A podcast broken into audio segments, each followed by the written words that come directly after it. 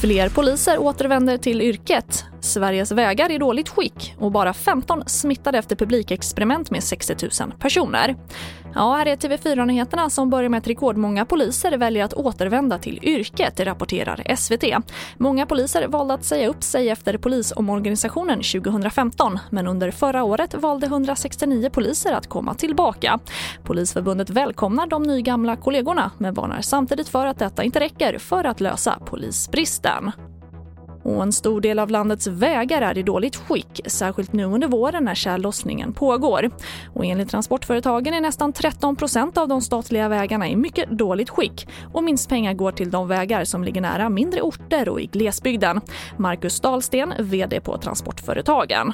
Vi är nu i ett läge där det krävs eh, miljardsatsningar varje år för att överhuvudtaget bibehålla den, den eftersatta funktionen vi har idag. Men ska vi återta mark så krävs det ytterligare satsningar.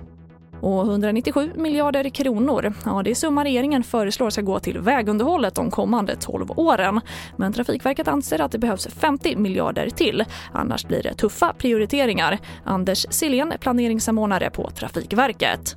Det är det som är den stora utmaningen för oss nu då, att eh, med, med de ramnivåer och den inriktning som finns att klara av det. Och vi avslutar med att bara 15 personer blev smittade av covid-19 i ett experiment där en publik på sammanlagt 60 000 personer samlades på nio olika stora evenemang i Storbritannien. Det skriver Sky News. Alla som deltog var tvungna att visa upp ett negativt covid-test från samma dag eller dagen före. Och experimentet iscensattes som en del av regeringens planer att tillåta större publik på evenemang i sommar. Och det får avsluta TV4-nyheterna och fler nyheter hittar du alltid på vår sajt tv4.se. Jag heter Charlotte Hemgren. Gren.